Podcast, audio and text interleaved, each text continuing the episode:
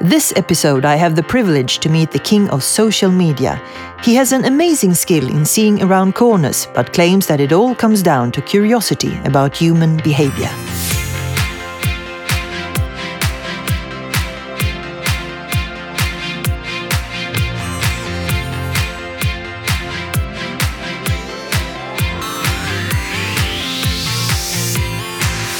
A lot of people try to day trade attention through social media and making a business of it. So what can be better than to talk to an expert on the subject? Welcome to this podcast, Gary Vaynerchuk. How are you? I'm amazing. How are you? I'm fine. Thank Good. you. Thanks for having me. Listen, how does one become an expert on a thing that is still growing and people still try to figure it out? I mean, social media. By being a practitioner.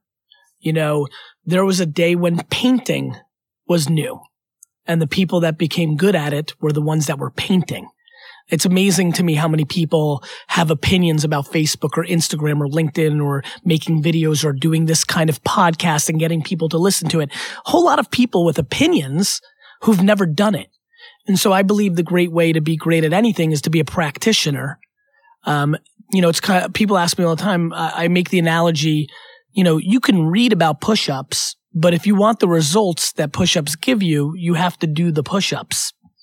And uh, I just think a lot of people with business, entrepreneurship, and specifically being a, social media content creator uh, or a modern media digital creator, uh, read a lot, talk a lot, pontificate a lot, and don't do a lot. The way I figured out how to have my podcast, the way I figured out my YouTube show, the way I figured out everything I do is by doing. Um, and you're going to get some bumps and you're going to make some mistakes. I think most people don't do because they're worried about what other people think. And who are they? What kind of generation are we talking about? Everybody. You know, I think everybody. I think, I don't think this is as generational as people think. I think this is more psychology than it is, you know, none of the four people sitting in this room, right? Well, Babin's young, but the three of you're pretty, how old are you? Yeah, I'll, I'll Gary's 30, talking to our sound engineer That's now. right. I bring everybody into these podcasts. I like to break the walls and visualize for you, everybody who's listening. Yeah. Look, the three of us didn't like 35. I would say, look, you know, it's not about how old you. I'm 42 and I feel more curious and more understanding of the culture and the game than plenty of people that are 18. I think it's a mindset. Um, and so it's a very interesting time to be alive. There's so much opportunity and, uh, I'm excited to be a part of it. But you are a very, how do you say? Uh, special. Yeah, yes, you are very special. no, because the thing is that you have this psychological uh, skill that a lot of people come to you with a lot of problems. Uh, and they try to get advices from you, and you just give them advices. Uh, how? What kind of skill is that?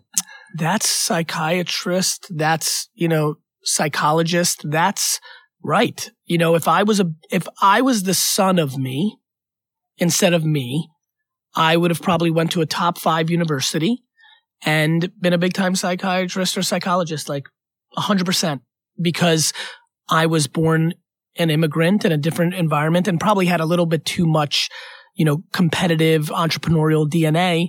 But yeah, I, I, think it's interesting as my life evolves that some of my natural skills are becoming more clear and it's less about being a salesman or being good at digital marketing. I'm very comfortable giving advice because I think I'm undereducated and I keep things very simple. Like human behavior comes very natural to me, which is why I've been very good at predicting what people are going to do next. It's also the same skill that allows me to know that most of people's issues come from their parents or the environment they were born in. Um, most things are very simple. We don't want to look them in the face. You know, Facebook's not changing us. Facebook's not making us bad people. Facebook's exposing that we were bad to begin with. You know, like these are funny things to me. They're historical. I'm a big fan of history. It was the one class I was actually decent at. And I think that's another thing that's worked well for me. This is just rinse and repeat. You know, what's happening right now on Facebook and Twitter is the same reason that governments when they want to be dictatorships control the media because the media controls the mindset. And so, you know, I, uh, I think my skill is, uh, human behavior. And I think, uh, my vice or my intrigue on another part of my life is building businesses and, And I think that's what made, you know, I bought Bitcoin in 2014, not because I guessed, not because of anything else, but because I could see what was going to happen in 17 and 18. And yeah, I think, uh, you know, I make the joke earlier about special, but I do feel special. And I don't say that with ego. I say that as a compliment to my parents and to my circumstance and to America and to the Soviet Union for that matter. The circumstances of who I became, um, are far more the factor than me. Um, but I, I do see around corners and not because I'm Nostradamus, but because I deeply am consumer centric. I watch what people wear. When haircuts change, I'm fascinated by that. You know, when fashion, I'd be, I would have been great in fashion. I would have been, if I had that gene, like my daughter's very creative and I can see she has a lot of me in her. I can see her being a big time fashion uh, player in the future because if she deploys her creativity to fashion and she can see around corners, she'll be an innovator of style. And so, yeah, things are very simple to me. But social me- media and uh, the the human brain goes hand in hand. I mean, that human, is psychology. And human brain goes hand in hand with everything. Uh, social media is very important because it's communication. You and I, right now, are sitting in some room at some conference. Uh, this amazingly handsome, talented sound engineer has a very small device. Doesn't look so complicated to me. I wouldn't know what to do with it, but it's not big. Here's, and I know that this whole enterprise here is not costing a whole lot to create and not costing a whole lot to distribute if you guys know what you're doing on I. It doesn't cost me a lot to distribute on my podcast, which is a top 50 podcast in the world. That whole enterprise used to cost millions of dollars in studio costs, in distribution. Co- it's, we're living in the internet age. Why don't people get this more and faster? I mean, because people look backwards instead of looking forward. 90% of people default into looking behind them instead of looking ahead of them. It's the human psyche. I think most people are scared of change and they look for negatives. There's people that are trying to blame suicide rates on social media. It's laughable. The issue with suicide rates in the world is bad parenting and, and many other variables and maybe social media. But to binarily blame, uh, a media is silly. And so I think when I look at what happens, so I think there's a lot of technology fear mongering. Uh, one thing I like to say a lot is that we put writing a letter on a pedestal, but kids that are texting are bad. I think that's crazy. The message is important, not the thing that delivers it. Mm. You, uh, invested, as you said before, uh, you knew about Facebook before face- Facebook was uh, big and invested in Facebook, Twitter, Tumblr, Tumblr, Uber. And you are a rich son of a gun. Yeah. yeah. But how can you inspire your kids? I mean, you had a total different I childhood. can't, I can't inspire them the way that I was inspired. You know, when because I was, they have too much or? hundred percent. And they have other things. They have a father who's going to end up being famous and that might be good or bad. First, the way I'm going to inspire my kids is to first do what I always do, which is audit who they are, not who I hope they are. I first have to deploy self-awareness and empathy and, and understand who they are. So for my daughter who's eight, I'm starting to get a understanding. And in three or four or five years, I think I'm going to have a very good understanding. I'm going to inspire my two children. And what I try to inspire everybody who's listening to this is I don't want them to become me. I only want one thing for people that I have. Really, outside of health, the only thing I wish for people is them to love what they do as much as I do.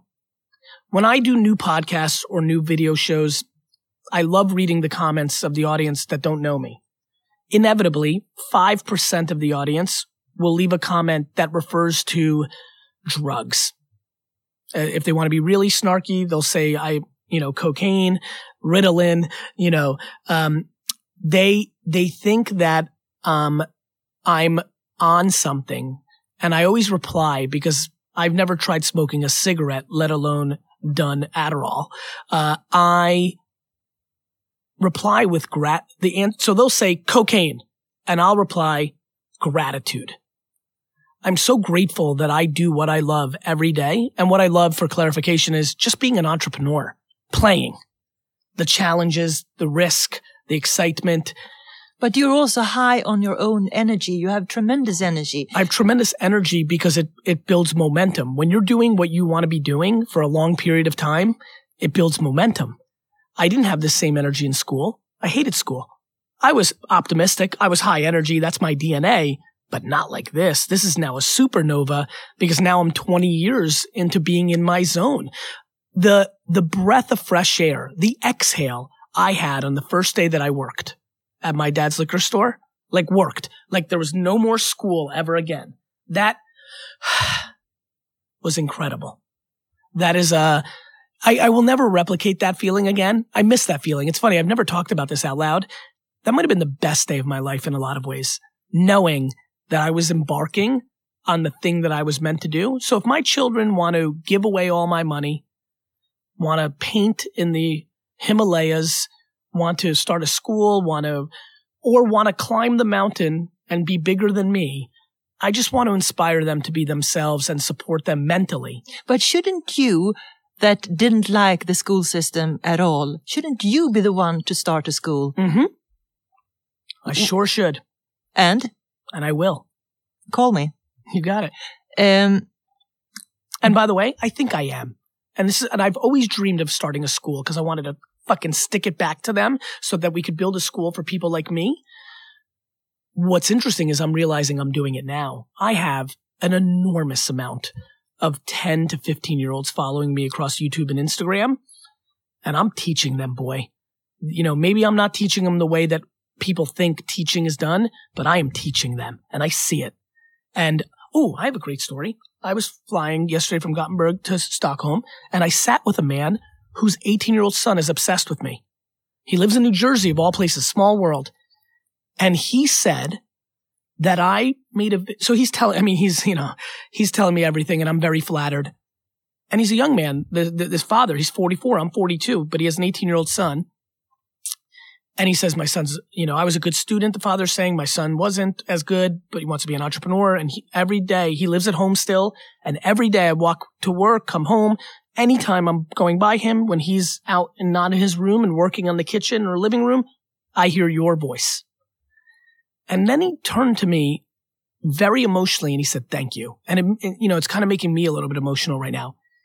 He said, my son's such a better man now because of you. And he's, and then he started telling me reasons, accountability. You know, I'm teaching real stuff, not memorizing who the fourth president was. And, uh, and then he talked about me talking about my father. And he says that his son's very competitive with him. And I was very competitive with my father. But I, t- I put out some content about how I think about my dad, even though we're different, even though there's a lot I don't agree with. And he said to me that his relationship with his son has fundamentally changed since then. But what do you say? What do you say to these youngsters that make such an impact to those who are listening and maybe haven't heard yeah. you yet? I tell them the truth.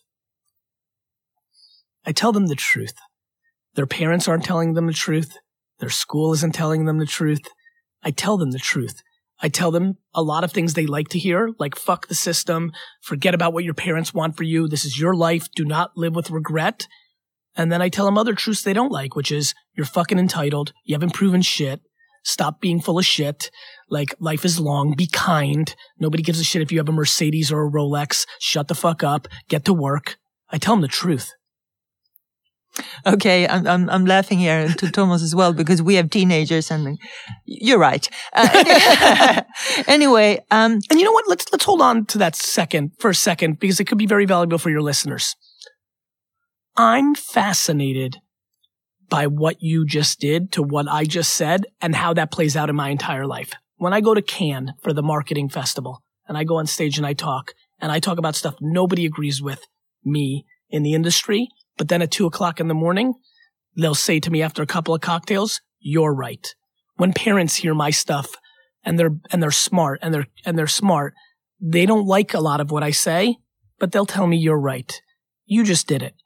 What I'm trying to figure out is what makes one do something that they know isn't right when they know what's right. What is creating that behavior? What I think is happening is they're worried about what other people think. I have a lot of empathy for a 49 year old woman raising two teenagers in a neighborhood where she has a lot of friends, where she believes in something, but she doesn't do it because she doesn't want the scrutiny from the other moms. I understand. I just don't know why she's choosing herself over her children. I think about that stuff. I don't want my kids to be entrepreneurs. Too many people think of their children as property and as indicators of who they are. And I understand that. I get so proud when my kids do things. I get it. I just don't think it's in the best interest of the kids. And so I'm trying to have conversations that a lot of people aren't. I just said that for the last three minutes because I hope somebody on my vlog or somebody in your podcast. One, if one parent, one, if one parent just got inspired in the last five minutes, those kids' lives are much better for, I mean, you know what, if it, you know how incredible that is? That's what media is. That's the world we live in today. I would have never been known. But the thing you say, get your shit together. Yes. I, I recognize that I'm a, a daughter of immigrants as well. So we hear that a lot. And mm-hmm. I'm not saying that immigrants are the best people on earth, but there is something when you have 100%. to, th- you have to thrive. you have it. to fight. My kids can't be as hungry as me. My, I think the challenge that you and I have as, you know, kids of immigrants, and I'm an immigrant myself, so I'm real close to it, is I'm ideological about the immigrant framework. I'm with you. Like even, like we know how lucky we are like, cause we're hungrier. We were, we know what shit, t- you know, it's good. It's better. Entitlement and prosperity has flaws on the back end. But I think the mistake a lot of people make is they try to fabricate the reality of the situation. I see a lot of my rich friends send their kids to Africa for two days and think it's going to change them. I think what's better is my recommendation for anybody who's listening who thinks that their kids are in a situation that is spoiled or entitled or fruitful. You know, my big thing is I can't fake environment. My kids live on the Upper East Side in Manhattan, go to private schools, have friends who have p- private planes. I myself, you know, my daughter and son go with me the other day to buy, I went to go buy jeans and buy them some candy. I took 11 selfies, right? I could choose to be rude to people and say I'm with my family, but that's not in me. So I chose to do that, but that's affecting my children. You know, my daughter's like, you're famous, you're a legend. And, you know, I can't fake their life, but there is something I think that you, where you're going that I think is super important. I do think some things are non-negotiable. So my rich, my kids are going to be rich and they're going to be spoiled. They're not going to be as hungry as me. When I was 12, I asked my mom to buy Nintendo. She said, go buy it. I figured it out. I could do that to my kids, but it, there's too much surrounding the framework of our family that that's not where I'm going to go. But where I am going to go is the following. So for example, something that is very politically incorrect is to hit your children, right? Not a big thing that we do anymore. I'm very comfortable saying on the record, I will hit my child if they ever, ever use my and my wife's wealth to be rude to another child. If my kids ever once in their life make another kid feel bad because me and Lizzie are rich and they're using that to make somebody else feel bad, I will punch them in the face. I hope they hear that, your kids.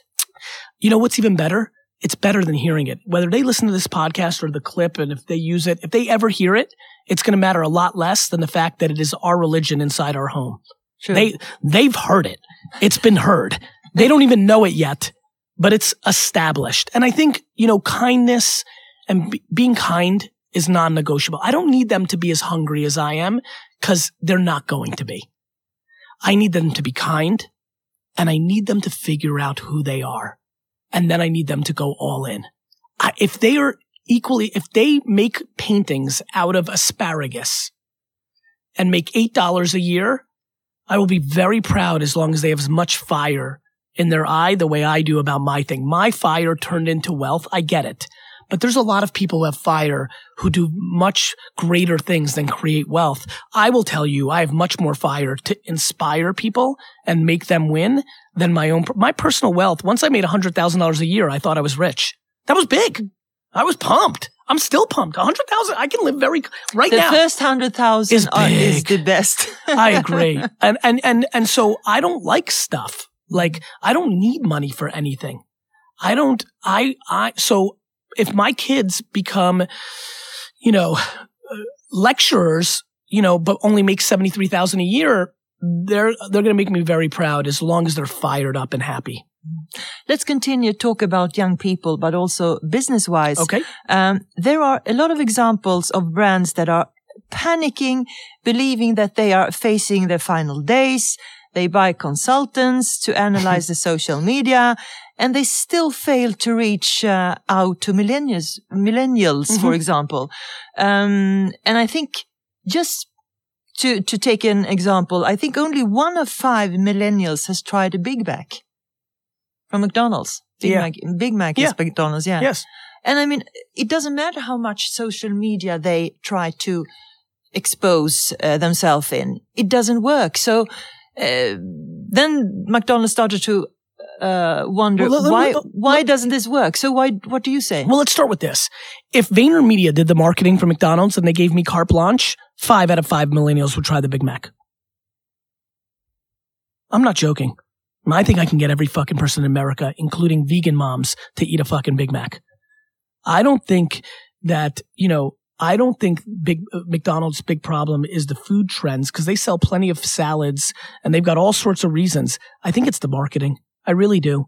McDonald's spends 80% of its money, 90% of its money on traditional or traditional digital. They're mailing in their modern contemporary, culturally relevant content in the seven places that millennials play. They're mailing it in. Mm. They spend. But but, th- but this is uh, uh, a point, yes. But some other economists say that millennials don't buy it. As um, they don't, as you know, the, the the character in the Hungry Games, Kita, or what, yes, yeah, and they start to think like her. Don't trust anyone. Everyone want, wants meanwhile, to buy Meanwhile, millennials are wearing Adidas and Vans and Champion hoodies. Millennials buy plenty and they're buying smart water. Like millennials are fucking people. I can trick a millennial to do anything I want. How should other trick them? By making things that are valuable to them. You know how I trick them? By giving them what they want. By not giving them what I want. By being consumer centric. By listening to millennials. Millennials will tell you what they want. You're just not listening. You know why? Because older generations have too much audacity. I can get a millennial to do anything I want because I'm deploying humility and I'm listening. That's why. Social media crosses yes. also borders. Now you have Russian blood in you. Yes. And you live in the US. How can you use this fact of two cultures in business wise? I mean, we are talking you, about. You know, if I, if I, you know, if I want to be a big personal brand in Moscow, I have more autonomy to do that than I do in New Delhi or in Sao Paulo. So one, I think anybody's truth is very important. You know, one of the reasons I think I do very well in urban and hip hop worlds is because I liked it as a kid, because I spent a lot of time with a lot of minorities, because 90% of the kids in my college were a minority. And so I think that what's amazing is if you're willing to embrace your truth, there's an enormous amount of strength in that so for example, there's a lot of people listening right now with diseases that they will never tell anybody, usually mental, right? I'm very fascinated by what's happening with, you know, meditation, mental illness. You know, if you're bipolar 12 years ago, you're hiding it. I think you need to expose it.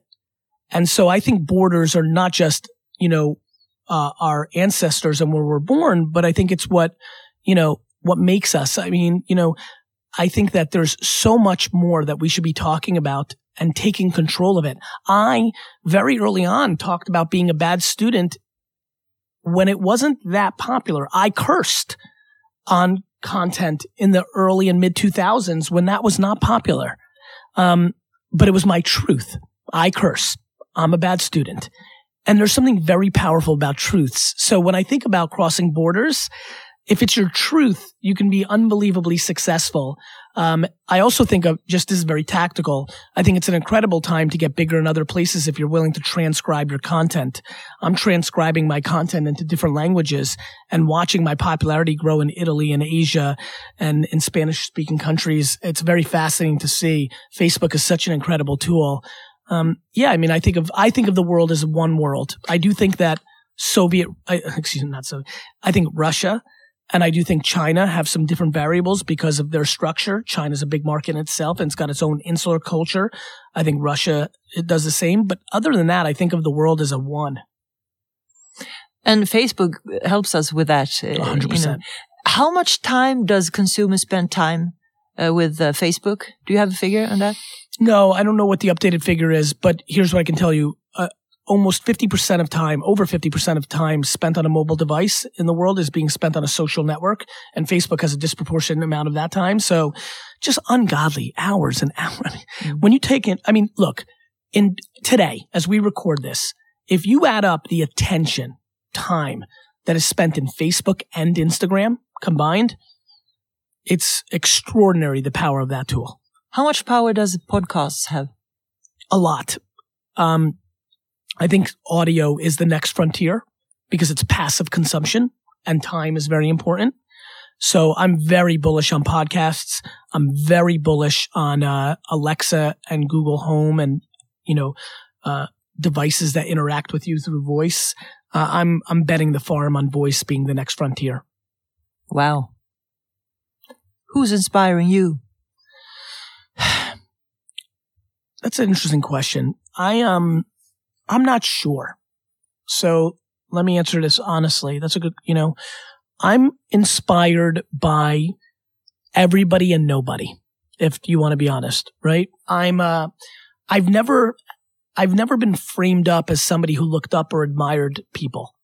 You know, outside of my parents and really even in silos, like my mom as a parenter and as a human being, she gives advice to everybody too just in a much smaller circle than I did. So I grew up watching that. Or to your earlier question. And my mom's a, very much my hero. My dad from the work ethic, you know, the hustle thing that I talk about. Um, but it's interesting. I, I'm my wife for her inability to complain. You know, there's a lot of people and then, and then, and then, you know, just silly stuff like, let's use Babin. He's in the room watching Tyler work for me for a year, knowing from day one he came to work for a year, use my name, and then go out and do his own thing. I knew it. I knew it. And to watch him be able to recognize the situation and realize it was valuable for him to stay, I'm inspired by that. Now, maybe that's me humble bragging and being, look how good I am. Uh, that's fine. The millions of emails, DMs, and messages I get. I mean, listen, I get an email and a DM on Instagram every day that is from somebody that's homeless, 10 times a day, 20 times a day from a single mother in a really shitty situation, 30 times a day, 30 times a day from somebody in a mental negative state. Do you answer all? No. I wish. Fuck. But man. isn't that frustra- frustrating to have so many cries for help and you yeah. can't? No, because I'm practical. I know, I know that I have to be happy or nothing works. So if I wanted to be altruistic and noble mm. and say, now I'm just answer, I won't be happy. I won't be hunting. I like hunting and farming. So, so you get inspired by people who are inspired by you. That's right. It's a self, you know, fulfilling prophecy. Mm. A hundred percent I do. And to be very frank, I'm, when I hear you say it, I feel like I'm the audience. There's a lot of cynicism and narcissism to that. I mean that. It's still my truth. I, you know, take it for what it is. Think it's bad, good. Think it's good, good. Like I, I am driven and inspired to be a good man because I think people are counting on me to be. And I like the challenge. I like the pressure. I like, it's what I'm comfortable with. It's who I am you know? Gary, you should listen to my podcast. Okay. I will. and I'll listen to yours. Thank you for coming. Thanks for having me.